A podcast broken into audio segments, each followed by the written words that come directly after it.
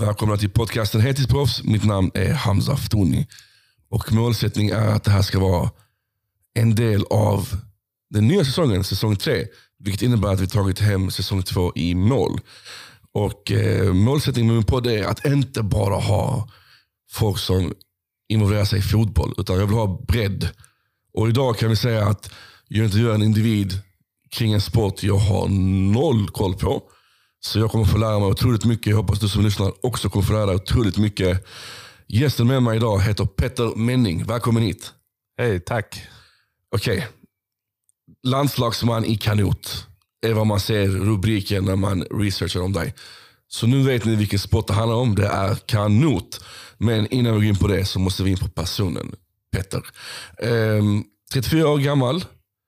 Och så står det att du hette Öström innan när jag researchade. Det stämmer. Ja. Eh, när jag var eh, ogift så hette jag Öström. Eh, jag växte upp ehm, och hette Petter Öström och sådär. Eh, det var ju det som jag, jag lyssnade till om någon eh, ropade. Eh, men sen så träffade jag min fru Evelina och ja, blev kär. ville spendera resten av livet med henne.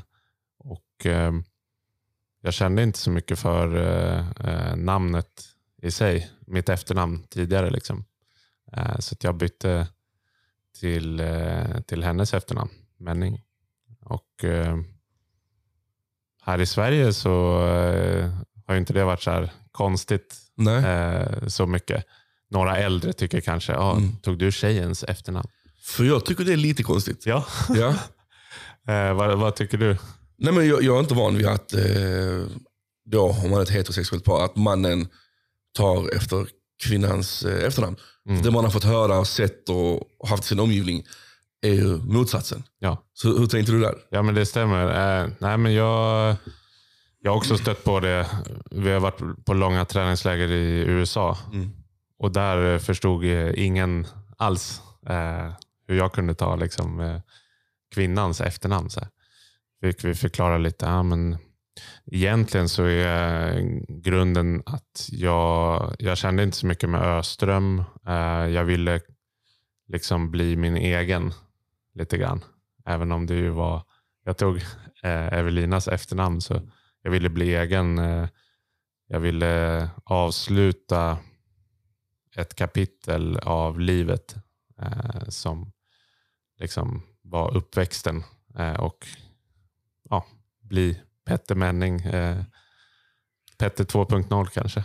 Vi såg in på det du snackade om precis, men bara en sista detalj om efternamnet. God forbid, något skulle hända. Är du fortfarande Petter Menning då om ni skiljer er? Eller är du tillbaka till Öström? Oj, det har inte jag tänkt på. eh, jag, vet, jag, jag lever lite så här, eh, tror jag, som det kanske man gör. Liksom, eh, att jag ser ju inte det här som något... Eh, alltså jag tänker inte så mycket på ah, tänk om vi skiljer mm, oss. Mm, mm. Utan jag har gått in eh, för, livet. Det, ja, för livet. Nu var det 2013 så det är ganska många år sedan ändå. Men, men jag, har, jag har liksom ingen backup-plan eh, direkt. För, för det är intressant. Det är intressant. ja. eh, du snackar om att byta efternamn, inte bara att byta efternamn utan du stänger ett kapitel. Du ska bli en ny version av dig själv eh, podcasten Heltidsproffs. Vi går in på olika detaljer. Saker som berör livet som kan påverka ens, eh, ens profession. Eh, så varför känner du att det är ett kapitel du behöver stänga? Alltså Menning, eh, förlåt, Öström. Varför känner du att det är ett kapitel du måste stänga? Eh, jag känner det av flera anledningar. Men eh, det mesta var att när jag växte upp Eh, så var min pappa eh, sjuk. Han var alkoholist. Eh, så han drack alldeles för mycket. Och min mamma hon var deprimerad. Lång tid. Många, många år. Och Det här var ju svårt för mig och min storebror. Han är två år äldre. Ehm, så att vi, vi fick klara oss mycket själva. Och sen så hade vi våra mormor och morfar som, eh, som hjälpte oss också. Så de blev som en en trygghet som fanns där. Eh, men i vardagen, när det var skola och sånt där, så då var det, det var väldigt skönt att komma till skolan och vara i skolan. Och eh, Sen var det ju liksom kvällarna, helgerna som också behövde tas upp av någonting. För att hemma var det svårt att veta vad som, eh, vad som fanns. Mm. Uh, vad som väntade på? Liksom. Vad som väntade.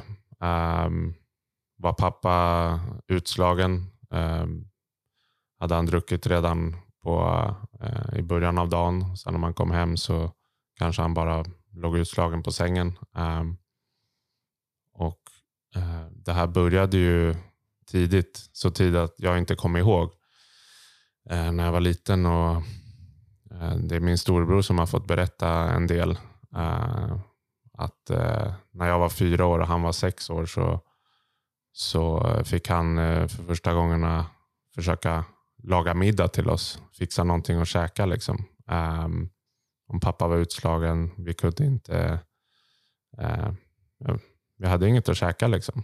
Så ehm, det här är saker som jag inte riktigt förstod och som andra kanske inte heller riktigt förstod. Mm. Um, andra släktingar har berättat att de tyckte det var så roligt med min storebror uh, för att han var intresserad av mat och frågade om han ville bli kock och uh, sånt där. För att han, han frågade om grejer. Men det var ju egentligen någon form av kanske överlevnads... Ett rop på hjälp? Ja, exakt. Men det var ingen riktigt som förstod. Och Jag pratar med dem i vuxen ålder också. Eh, och i skolan och sådär. Det var egentligen bara vår mamma som förstod. Men hon orkade inte heller. Eh, hon var deprimerad, kunde inte ta tag, kunde liksom inte ta hand om sig själv riktigt. Och hade svårt med oss också. Mm, mm så att Det var också en anledning till att jag började eh, med idrott. För Jag blev ganska jag blev ganska så inne på att i skolan så då är man ju där en viss tid. Sen tar den tiden slut på dagen. Mm. Och då är det osäkert. Från skolans slut på eftermiddagen till jag ska sova på kvällen. Då är det osäkert. Men när jag började på eh, någon sport, eh, då var ju liksom en, ett block av tid till eh, redo. Då, då visste jag vad jag skulle göra. Så jag började med judo, karate, fotboll, um, pingis, bandy på is. Uh, borta på Zinkensdamm, spelade Hammarby. Um, och jag och min brorsa gick också dit så ofta vi kunde och, på vintern. Uh, gick dit med våra skridskor och klubba på, på axeln och bara var där så mycket som möjligt. Um, och eh, Sen så hittade jag till den här kanotklubben. Eh, Vilken ålder? När jag var 12 år ungefär, 13, 12 år. Det var en kompis i skolan som sa, men jag har paddlat eh, lite grann, vill du följa med? Ah, vad roligt, vart då? Eh, på Reimersholme hette det. Eh, här borta nära Södermalm. Och, ehm, det var nära där vi bodde. Jag hade varit där med min storebrorsa när jag var liten. Men då eh, var jag för liten för att paddla för jag kunde inte simma då. Eh, så jag fick stå på bryggan och äta russin. Ehm, men jag kommer ihåg det som en bra känsla för det var, jag fick det här russinpaketet av eh, en i klubben där. En eldsjäl som hette Kigge som han hade alltid redo för småsyskon som mm. kanske inte än kunde gå ut, men då kunde de hålla sig lite lugna där. Sysselsatta med russin ja, där. Ja. exakt.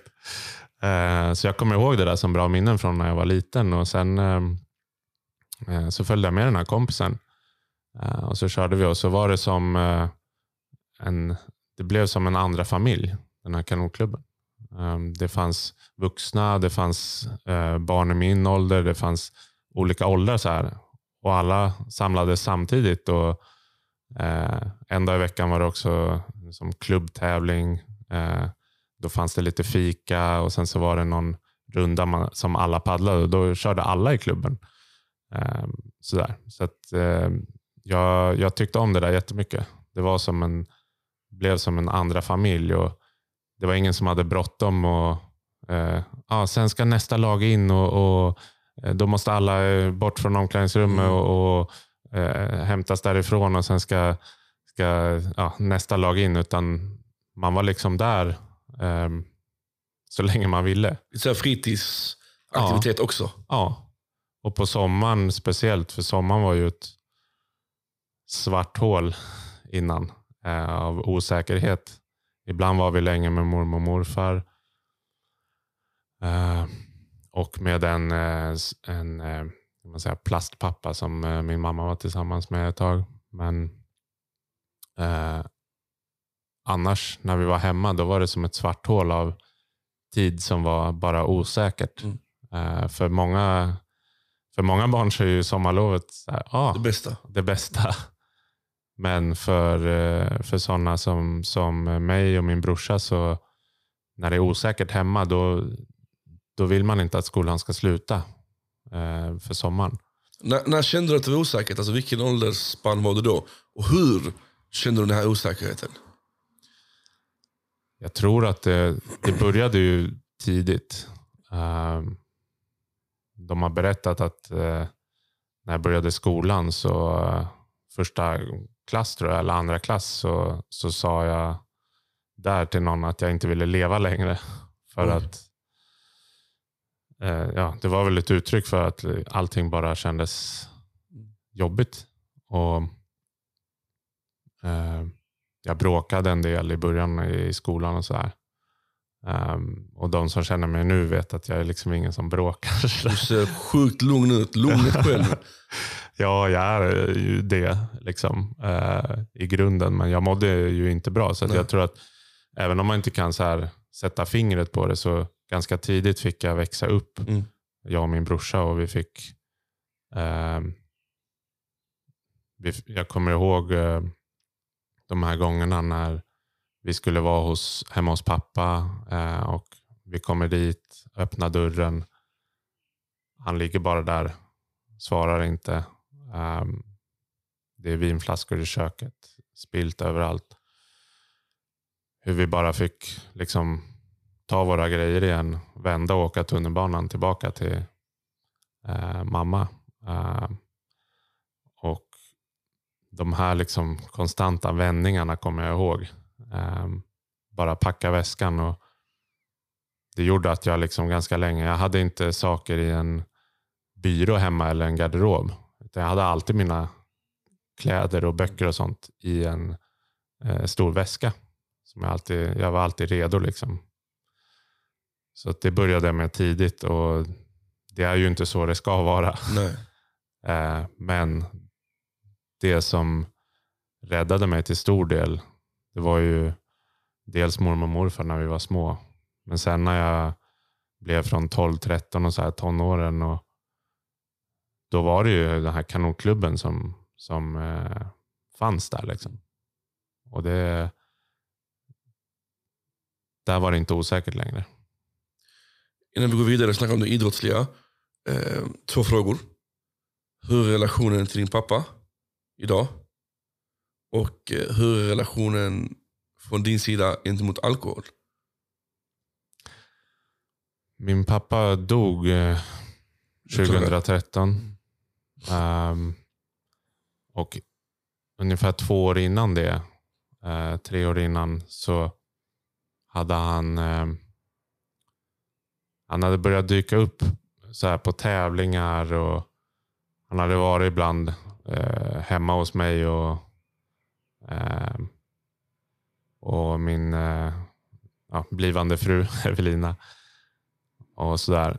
Eh, men han hade alltid liksom, han smög alltid och kanske hade med sig någonting att dricka och sådär när han var på tävlingarna han var hemma hos oss. Och jag märkte det där. Andra kanske inte tänker så mycket på det, men när man växer upp så med, med eh, Små signaler som du kunde Ja. läsa av.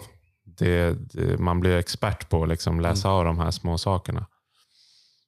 Och Det blev eh, specifikt en gång jag var på eh, EM och tävlade i Serbien, i Belgrad. Och Han hade skrivit till mig innan att han skulle åka dit och heja och sådär. Och att vi kunde ju se om jag hade tid. Liksom. Och så jag åkte ner och, och, körde där och så körde jag första loppet. Uh, och så gick jag till läktaren efteråt um, för att se om han var där. Och Då så sa de att uh, uh, ja, några andra svenskar som var där sa att ja, men vi såg en gubbe med, med stort vitt skägg som, som stod och ropade Petter och sen så gick han iväg. Mm. Och ja, Jag tänkte det är väl pappa men han har väl gått iväg. Liksom bara. Och Sen nästa dag så upprepades det där. Jag skulle gå efter, efter loppet och kolla. Och Då hade han också försvunnit. Mm. Och Sen svarade han inte när jag ringde. Och, um, så det där påverkar mig väldigt mycket för att jag var ju där för att prestera. Jag skulle köra EM-final. Eh, liksom. Um, och jag ville jättegärna såklart, om han skulle vara där nykter, det hade ju varit jättekul tycker mm. jag. Mm. Men nu var han ju inte det. Nej. Och då var det inte min pappa riktigt som var där. Och efter det så tog jag ett beslut att jag, um, jag ställde ett ultimatum till honom. Att du får jättegärna vara i mitt liv, i våra liv, eh, om du är nykter. Då får du jättegärna höra av dig, du får komma. Sådär. Men om du inte slutar att dricka, då vill jag inte att du hör av dig överhuvudtaget. Och det var då 2012. Mm. Vad var hans respons? Eller 2011. Vad hade han för respons på ditt ultimatum? Nej, han sa ja, det, det kanske jag kan göra. Och sen så hörde han aldrig av sig. Och då hade jag gett honom så många chanser. Hela, jag var 25 år då. I 25 års tid så hade jag gett honom chanser hela, mm. hela, hela tiden. Försökt att lita på honom om igen, om igen. Men efter att jag sa det här så gick det ungefär två år. Um, och sen hittade min uh, storebror och mamma uh, honom död i sin lägenhet. Um, de hade inte hört från honom på ett tag också. Gick dit, de hade en extra nyckel och då hade han legat där ganska länge. Och Det som är grejen är att jag sa ju hej då till min pappa för länge sedan. Mm. Det var inte min pappa som var där. Och när jag till slut blev vuxen nog att ställa ett ultimatum till honom, välja mig eller spriten, så valde han ju spriten. Och det fanns flera sådana tillfällen tidigare som där han fick hjälp, det blev bättre men sen valde att ta bort det. Och Allt det här gjorde ju att jag hade inte längre en pappa. Um, så den, eh, jag var ganska klar med det kapitlet också kan man säga. Mm. Han dog och samma år så, så gifte vi oss. Um, jag och Evelina. Jag bytte namn samma år vann jag också EM och VM. samma år. 2013 var ett väldigt blandat år ja, för dig. Det var superblandat. Mm. Jag körde EM eh, på vägen hem där. Jag skyndade mig till flygplatsen för jag hade bokat tidigare biljett hem. Mm. Och sen var det planerad begravning liksom, direkt efter det. Um, och Det gick upp och ner mycket. Men det som jag alltid har haft med sporten, med idrotten, är ju tryggheten. Så jag föll tillbaka till det. Där visste jag vad jag skulle göra. Liksom. Där har jag alltid vetat. Där har alltid funnits mm. en trygghet. Den har jag, det är nog det som har gjort att jag har kunnat köra på genom skador och genom tunga perioder och sådär. För jag har ändå velat tillbaka till den tryggheten hela tiden. Idrotten tar plats. 2013 blir det året där du typ cementerar dig. Världsmästare, Europamästare. Eh, vi har sagt mycket om din barndom och din pappa och relationen till din familj. Vilket går hand i hand med din relation till, till idrotten, som du förklarade i början. Eh, när tog du steget från att stå och äta russin vid sidan till att faktiskt gå till, till det här proffset du är idag? När hände den här transition? liksom? Det kräver ju... Alltså det, det är svårt eh, att beskriva egentligen vad det kräver att försöka bli bäst i världen på någonting och dessutom fortsätta med det mm. många år. Det är svårt att beskriva. liksom. Mm. Och det är svårt att veta när man är yngre. Jag gick på kanotgymnasium, men jag hade ingen aning liksom, då. Alla de här detaljerna, vad det innebär hela tiden. Um, så att någonstans när jag kanske när jag började bli så här 22, 23 år någonting. Då började jag ändå så här, det här, nu börjar jag peta i detaljerna, nu börjar jag plocka bort sak efter sak. Göra, eh, ja, fokusera helt. Någonstans där. Men det är, liksom, det är så svårt att, ska man säga, eftersom att vi inte heller har direkt pengar i vår sport så är det inte som att ah, då fick jag ett heltidskontrakt på någonting. Um, däremot fick jag mer stöd och så här, men jag fortsatte plugga. Så att, uh, jag pluggade fortfarande när jag blev världsmästare, Jag pluggade på universitetet. Uh, så att på ett alltså namnet på, på podden, heltidsproffs, uh, det var jag väl inte då kan man säga direkt. Ehm, däremot så så var jag fullt fokuserad. Det, det, gick, det gick alltid före med idrotten. Jag ville klara skolan så att jag skulle slippa göra en omtenta på ett sämre tillfälle. Mm. Om du förstår. Såklart. Du har ja. VM och, och, och tävla i. Ah, du felar en tenta, du måste göra den istället. Exakt. Jag fattar. Så att, eh, mitt fokus var alltid att klara det som jag skulle göra på rätt ja. tid. Eh, men inte mer. För att det som jag alltid Tänkte på. Ja. Mm. Är hur ska jag bli snabbare på att paddla? Och det tänker jag på nu också fortfarande. Jag är 34 år. Då kan jag vakna på morgonen och liksom, hur ska jag göra för att bli snabbare? Eh. Vem, vem trodde på dig under din skolgång? Alltså så här, okej okay, Peter, nu vet jag om att du har skola, men jag väljer ändå att, att stötta dig. Kanske både ekonomiskt, med sin tid. Vem var den här personen eller personerna? Min fru framför allt, Evelina.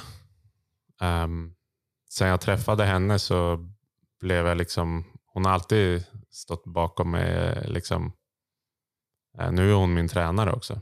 Okej. Okay. Vad har hon för uh, insikter kring alltså, kanot? Är hon... hon paddlade själv. Hon paddlade själv. Ja. Uh, och uh, vi träffades på kanotgymnasiet. Vi var grannar där. så där träffades vi. Men hon tyckte alltid att det var roligare att hjälpa andra att bli bättre. Liksom. Så att, eh, nu är hon min tränare, hon är tränare i vår klubb. Och, eh, hon, hon har alltid trott på mig. Liksom. Och jag tror från när jag var liten så också har de mormor och morfar där som de var alltid så här. De sa alltid, det spelar ingen roll vad du gör. Vi kommer alltid älska dig. Och Det sa de när jag hade klantat mig, när jag gjort dumma saker. Mm. Men de sa det också när, ja, när jag hade gjort liksom, saker jag tyckte var bra och sådär. De sa vi kommer alltid vara här. Ja, tills de dog då, men, eh, men jag tänker på dem ibland också som att de sitter där uppe någonstans eller mm. vart de är. Och, och Vakar över dig? Ja, de kan liksom följa det här och se. Och, det är inte som att jag gör allt det här för att göra dem stolta eller någon annan stolt. Utan det är mest för att visa för mig själv. För lilla Petter. Jag hade velat ha en tidsmaskin och flyga tillbaks eh, till lilla Petter. Eh, när det var som mörkast. Liksom. Mm. Och bara säga att det kommer bli okej. Okay. Det blev ju mer än okej. Okay om vi tänker på dina sportsliga meriter. Um, som vi nämnde för en stund sedan, 2013 var ett jävligt märkligt år. Uh, pappa gick bort, du gifte dig, du vinner EM, VM. jag tänker, jag som har noll insikt om hur en, ett camp kan se ut eh, inför så här stora tävlingar. Ta oss igenom hur det såg ut just 2013 med EM och VM. Hur såg din träningsrutin ut? Och vad, var man, vad, vad gjorde du helt enkelt? Ja, men grunden är ju... Kanot handlar om att ta sig fortast som möjligt från eh, start till mål. Mm. Det är som, eh, som löpning eller simning eller någonting. Det kräver väldigt mycket träning. Hur lång distans? Eh, 200 meter 200 har jag meter. kört. Eh, och det kräver träning två, tre gånger om dagen. Om dagen? Ja. Sex dagar i veckan. Oj. Eh, och sen söndag vilodag. Och det gör jag året om. Och det gjorde jag då. Liksom inför EM, VM. Jag gör det nu. Och det kräver ju liksom dels de här timmarna. Två, tre pass per dag. Sen så kräver det också att man sätter in maten vid rätt tillfällen, äter, gör allting. Får rätt mängd sömn eh, och så här. Men egentligen det absolut viktigaste som jag tror som gör liksom att jag har kunnat ta de här, eh, alltså ligga i världseliten så länge. Det är dels att jag känner mig trygg när jag får göra det här. Jag känner mig glad när jag får göra det. Jag trivs fortfarande med att åka på tävlingar och träffa kompisar. Precis som jag gjorde när jag var 13 år. Mm. Nu när jag är 34. Åka på världskuppen och hänga med kompisar från andra länder. Och det trivs jag med.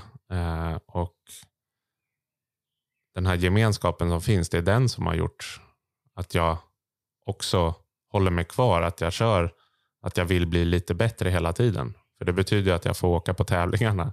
Och din trygghet finns kvar längre? Ja. Så på ett sätt så är det det tror jag som, som gör att jag har klarat det här. Och säkert fysiska förutsättningar såklart. Du är ju byggd som ett monster. Ni som inte ser honom, gå in på våra sociala medier så kommer ni få se hur han ser ut. Ja, men jag har alltid haft lätt för att bli stark och, och snabb och sådär. Eh, Men det kräver ju många, många timmar. Liksom. Såklart, två, tre gånger om dagen. Ja. Då förstår jag att du ser ut som du gör. Och det, det är ju många sporter som kräver det. Liksom. Ehm, men det gäller ju att man gör de timmarna bra också. Mm. Det gäller att, att man Träna Inte på bara- rätt sak. Ja, att man inte bara dyker upp Mm. heller. För du kan, du kan vara där fysiskt, men du måste vara där också eh, mentalt. Ja. Ehm, och vissa pass är kanske inte gjorda för att ha 100% fokus. De kan man ta, liksom köra igenom. Det, de är gjorda för att man ska köra igenom. Och vissa pass så behöver man vara 100% där. Och är man inte det så ja, men då, då är man liksom inte riktigt... Nej. Då, då blir man inte bättre den gången. Mm, mm, mm. Jag kan tänka mig detaljer det handlar om. Just på din nivå. Mm, Jag menar, det är det. Jag kan se framför mig att det är mycket träning, bål, eh, rygg och typ höfter. Är jag rätt på det? Du är faktiskt eh, mer rätt än de flesta. Ja? Många säger bara att ah, det är väl bara armar. Men det är inte det. Nej. Bål, man, man måste rotera från benen. Då är det höften som roterar. Mm. Då måste bålen hålla i det. Mm. Och ryggen egentligen drar. Eh, liksom. Ehm, så det är en, det är en komplex Kombination. eh, Ja, en kombination. Mm. Ganska komplex, ganska svårt egentligen. Eh, att paddla riktigt fort ju. Ehm, men eh, typ för alla som vill göra någonting så här skönt på sommaren så är det perfekt att bara hyra en kanot och dra ut och paddla. Mm. För att det är väldigt eh, härligt. Får man säga. Vilka hastigheter kan du komma upp i? Eh, 25 kilometer i timmen ungefär när jag kör själv. Mm. Ehm, så det är ju det är ganska jobbigt att springa bredvid det. Men det är ännu jobbigare att paddla. Såklart. För den är, man har en kanot och man måste, Mm. eh, vattnet har ett motstånd. Ju. Eh, så man måste ju liksom bryta det här motståndet hela tiden. Eh, även om kanoten är ju väldigt smal, strömlinjeformad. Liksom. Så är det ju trögare att paddla än att springa. För där har man ju bara vinden som motstånd. Hur styr du? Säg om vinden är lite stark och vågorna är lite ojämna. Mm. Du ska ha fokus på att du ska ta dig fram så snabbt som möjligt. Men du har andra saker som får dig att hamna inte på en rak linje. Vad har du för teknik där? Vi har ett litet roder bak. Okej. Eh, så man har en liten roderpinne som man har mellan eh, tårna, mellan Mm. fötterna. Liksom. Eh, så den, eh, den kan man justera lite grann med. Eh, och Det är ganska bra för att det kan ju komma sidvind eller vad som helst. Men det är ju det som är lite speciellt med alltså att vara på vattnet. För att vågorna, alltså det är en sak att, att vara på land. Då, blir, då förändras ju inte det du står på. Precis. Men vågorna förändrar ju faktiskt underlaget. Liksom. Mm. Så man får ha lite olika teknik och lägga upp loppen lite olika om det är eh, hård motvind till exempel. Eh, då kan det gå flera sekunder långsammare än vad det gör om det är en, en bra medvind. Då kanske man får lägga upp loppet lite annorlunda. Så det gäller att vara lite så här medveten och också träna på alla, alla förutsättningar. Mm. Försöka träna i alla olika vind, inte bara välja vindstilla hela tiden. Nej, men såklart. 2013. Ta oss igenom. Vilk, vilket medalj var först och främst den som vägde tyngst? VM eller EM för dig? EM kom först Mm. eh, på året. Och Det var då det var liksom min första som jag vann. Eh, och Då blev jag så här, ja, det här är liksom... Nu kanske jag börjar kunna det här. Vet, Man är, jag är så själv, eh, ställer så höga krav på mig själv kanske. Att, att Det var först då som jag bevisade för mig själv att men vänta, det här kan jag ju kanske. Mm. Och det har Du hade hållit på hur länge innan du tog EM-guldet? eh, 13 år. 13 år innan du tog EM-guld. Ja. Så länge tvivlade du på dig själv? Ja, men det är sådär. Man vill ju liksom... Jag tror att många idrottare är så. Ja, men ja. Man, man gör allting, men jag vill ju också se beviset för det. Liksom. Men sen på, e, eh, på VM, när jag gick över mållinjen, då kände jag så okej, nu, nu, nu kan jag bli liksom Mm. bra på det här. och det är det världens är, bästa, men nu Ja. kan du bli bra. Ja, men det, är, det är samma där. Jag, jag pratade med Evelina efter det loppet och hon frågade hur, liksom, ja, men hur kändes det då? Och jag sa ah, det var ett skitlopp var det första jag sa. För att jag tyckte inte jag gjorde det som jag hade bestämt att jag skulle göra. Jag hade bestämt hur jag skulle paddla, hur jag skulle gå ut från Mm. starten, hur jag skulle hålla med paddeln och göra allting. Liksom. Och Jag tyckte inte att jag genomförde det. Men då var det ju så bra. eh, Alltså, ja, Ändå att liksom. jag Din gick lägsta nivå. Ja, Mm. jag vann med 300 delar. det, var, det var ju precis på håret. Oj. Är det Men, de, eh, eh, sek- de hundradelarna det brukar handla om oftast eller? Ja, det är oftast. Jag var tvåa på VM förra året. Tog silver. Och då var jag 200 delar från guldet. Och Då var jag förbannad istället. för att Mm. jag ville verkligen vinna det loppet. Men, nej, men det är de små marginalerna det brukar handla om. Därför så är det de här detaljerna. Man tänker, vad spelar det för roll? Det här eller det här. Men det är alla dagar tillsammans. Alla de här dagarna som läggs på varandra. ju. Så i november så är det ju, de dagarna spelar också roll Såklart. för augusti. Mm. Liksom, när våra stora mål är. Så det gäller att, att ha små mål hela tiden på vägen.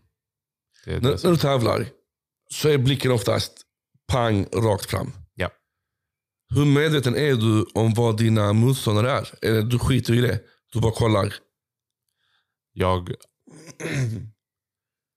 jag har strikta order om att titta rakt fram. Ja. Nej, men det, det är ju så om man bara sneglar lite grann åt sidan, då tappas ju fokus. Mm. Och Det här får jag säga till ungdomarna i kanonklubben nu. Eh, för de, eh, ibland jag ser dem så här, titta åt sidan, de undrar ju liksom, hur går det i loppet. Så, Ni får inte titta åt, Det är bara rakt fram. Det är eran bana. Och det måste jag säga till mig själv också. Eh, med jämna mellanrum. För att fokus är rakt fram och när man korsar mållinjen, då får jag se resultatet. Då får jag liksom se hur det går. Ofta vet man kanske inte det. 200 delar kan inte jag se heller. Nej, precis. Jag vann världscupen nu i, för några veckor sedan. Och då när vi har gått i mål så vet inte jag, alltså jag och han bredvid om vi är ett eller tvåa. Mm.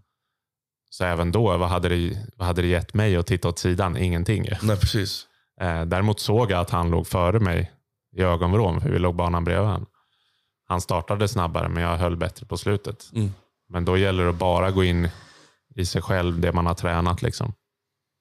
Och då kommer de där dagarna i november fram också. Såklart, såklart. Eh, fokus fram bara. Eh, det är superviktigt. Men jag tror det är viktigt med allt man gör i livet. Om man börjar snegla åt sidan och börjar fundera på vad andra gör, då, då är det lätt att börja tvivla på sig själv. Ju. Mm.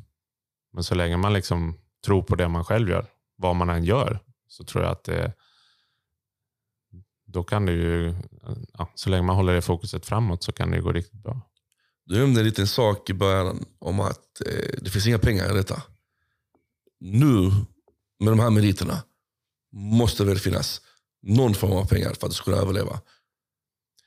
Ja, eh, pengar finns inte liksom som prispengar. Det gör inte det? Nej, man vinner inte en krona på att vinna världscupen, EM eller VM eller så. Är det också så att det är reglerat av Sverige att de ger dig då i så fall, inte själva VM-kommittén? Nej, det finns ingen bonus eller något sånt där. Inget sånt Från, nej, absolut inget. Och, eh, så att det är ju privata sponsorer och statligt stöd liksom, när det finns eh, till viss del. Så att, ja, just nu kör jag liksom privat helt och det är inte lätt. liksom. Eh, men det hade varit betydligt på ett sätt betydligt lättare om man hade fått in pengar på alltså prispengar på, Mm. på tävlingarna. Samtidigt som ju det hade kanske satt en press om man var skadad ett år. att oj. Var mina pengar? Ja. Mm.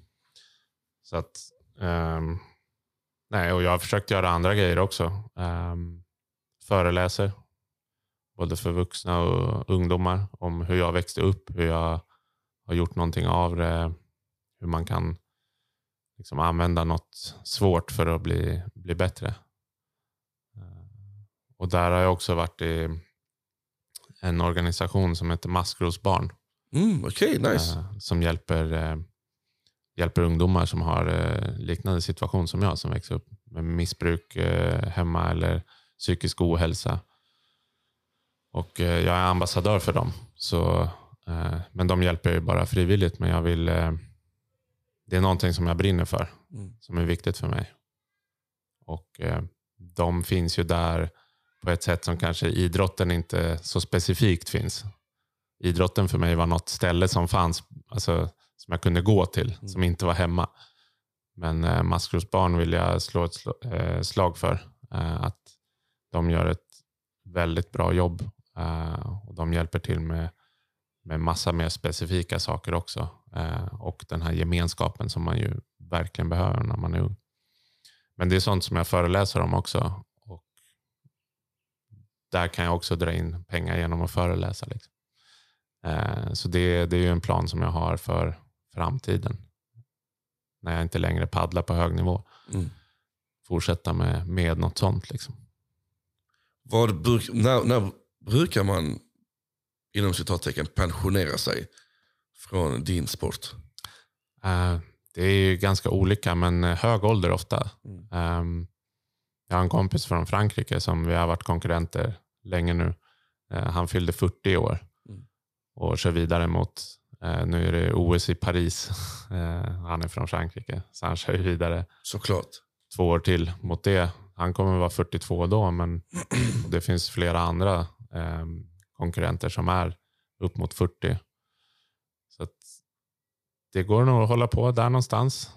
Ehm, det är inte som gymnastik kanske, att man Mm. inte kan, eh, ja, de flesta kan inte hålla på så länge. Men Nu ringer kyrkklockan och vi har fönstret öppet. Jag ska nog stänga till det lite bara. En sekund. Du kan dricka vatten så länge kanske. Pausa lite.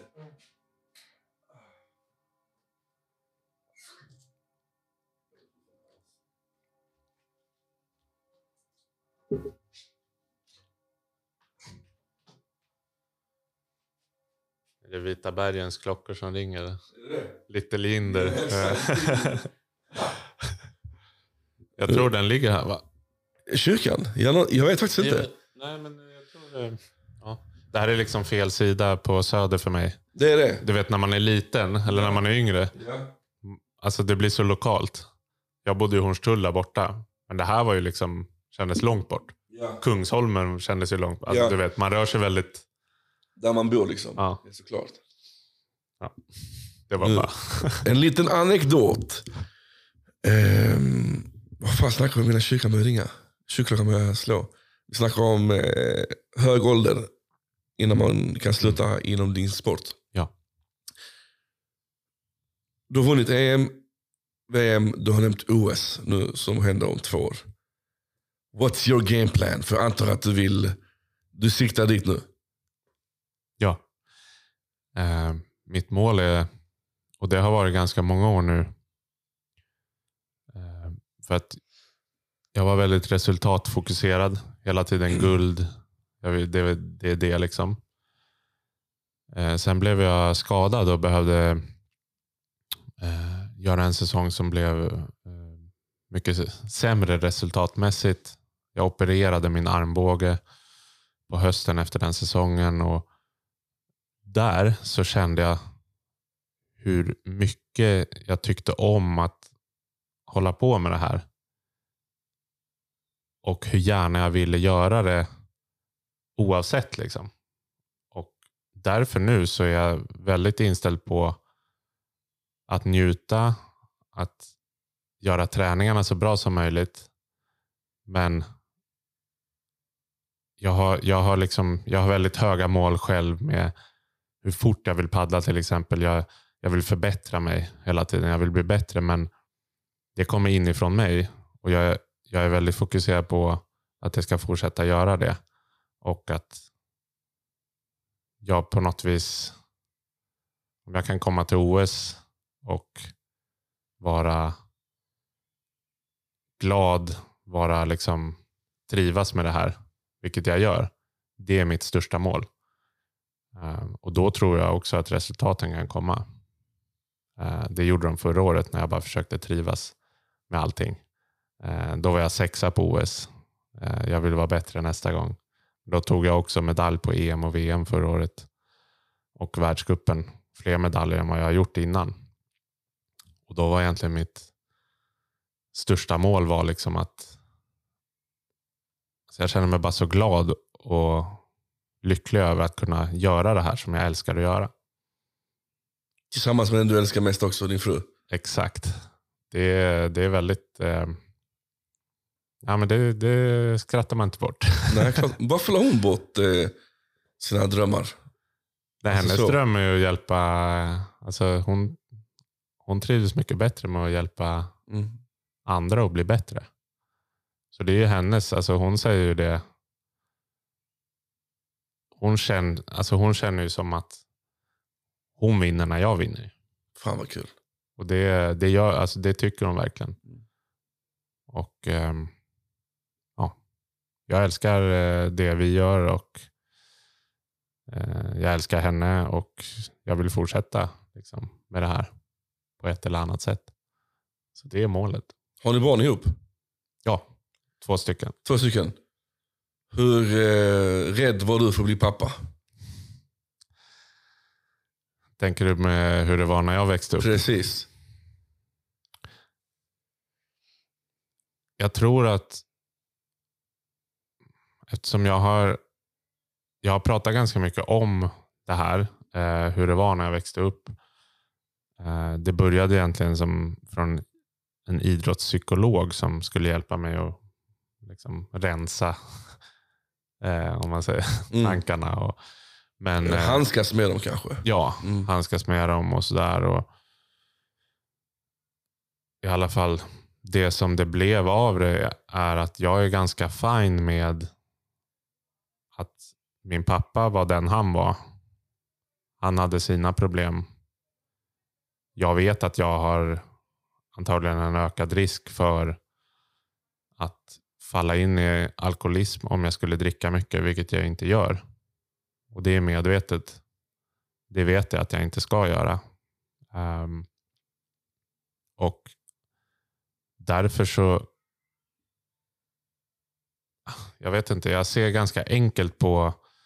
Eh, alltså såg ganska enkelt på att bli pappa på ett sätt. Även om det är såklart, man har ingen aning Nej, in, innan. Liksom. Ehm, men jag, jag är ganska ofta så här. om vi bara finns där för våra barn. Om jag och Evelina bara är där. Vi försvinner inte på födelsedagen. Vi, liksom, vi är där bara. Det räcker liksom. Ehm, det var det som jag ville mest av allt när jag växte upp. Så ja, om vi bara alltid är där eh, för dem så spelar det inte så stor roll med vad man skaffar för prylar eller födelsedagspresent eller någonting. Det är liksom att vi är där, vi, vi eh, kramar dem, vi säger hur mycket vi älskar dem. Eh, alla de här sakerna som jag saknade. Liksom. Det, på ett sätt blir det så ganska enkelt. Eh, även om det verkligen inte är enkelt att vara förälder och göra allting samtidigt. så här. Eh, det är inte det jag säger, men, eh, men filosofin för mig på något vis kommer bara från det här. Bara finns där. Det, det, är, liksom, det är det viktigaste. Är barnen involverade i, i träningen? I och med att din fru är din tränare, rent så här. Är de med och ser hur pappa tränar? Ja, det är de. Ja. Uh, och nu är de, de är fem och tre. Mm. Uh, så femåringen hon uh, håller och filmar. så Evelina kör båten och sen mm. så sitter treåringen och ropar heja så här kan hon göra. Och så femåringen får filma liksom, så kan Evelina ta tid och köra båten samtidigt. Um, så de är med ibland och sitter där och, och, tycker att det är jättekul. Och de har ju sett hela tiden, följt med. Liksom, och vi har gym i källaren hemma eh, i vårt hus. Och de hänger ju där. Eh, liksom, eh, kör sin egen träning som de hittar på. Eh, och Jag tycker att det är väldigt härligt att de får vara med. För att de ser olika sidor. De ser när jag är superfokuserad. De ser när jag är så trött så jag håller på att kräkas. Men de, det är inte främmande för dem. De tycker inte att det är konstigt. Eh, de ser på mig, de vet när jag säger men nu ska jag göra det här. Nu får ni liksom vänta lite med det där. Och de, de är väldigt vana med det. De, de vet när någon behöver fokusera. Det tror jag kan vara bra att se. Jag, jag är ingen... Disciplin, det gillar vi. Ja, och jag är ingen liksom, expert på någonting sådär. Men jag tror att det är bra att se. Alltså, om jag bara kan ge lite av eh, Alltså visa dem att man kan göra någonting som man väl, verkligen tycker om. Som också är svårt och jobbigt. Mm. uh, om, om någonting av det kan fastna till dem så då är jag nöjd. Jag får så feel good känsla nu med det sista du sa. Vi har snackat snart 50 minuter. Man har fått lära känna dig på, på, på djupet men även eh, hur du resonerar kring livet, kring träning, kring din filosofi om allt så känner jag att det här är lite så här, jag mår bra. Vad känner du själv? Jag mår också bra. Jag tycker det var väldigt eh, skön, eh, ja, skön atmosfär att bara sitta och prata lite. Mm. Så jag är nöjd. Jag känner mig också ganska nöjd. Ja.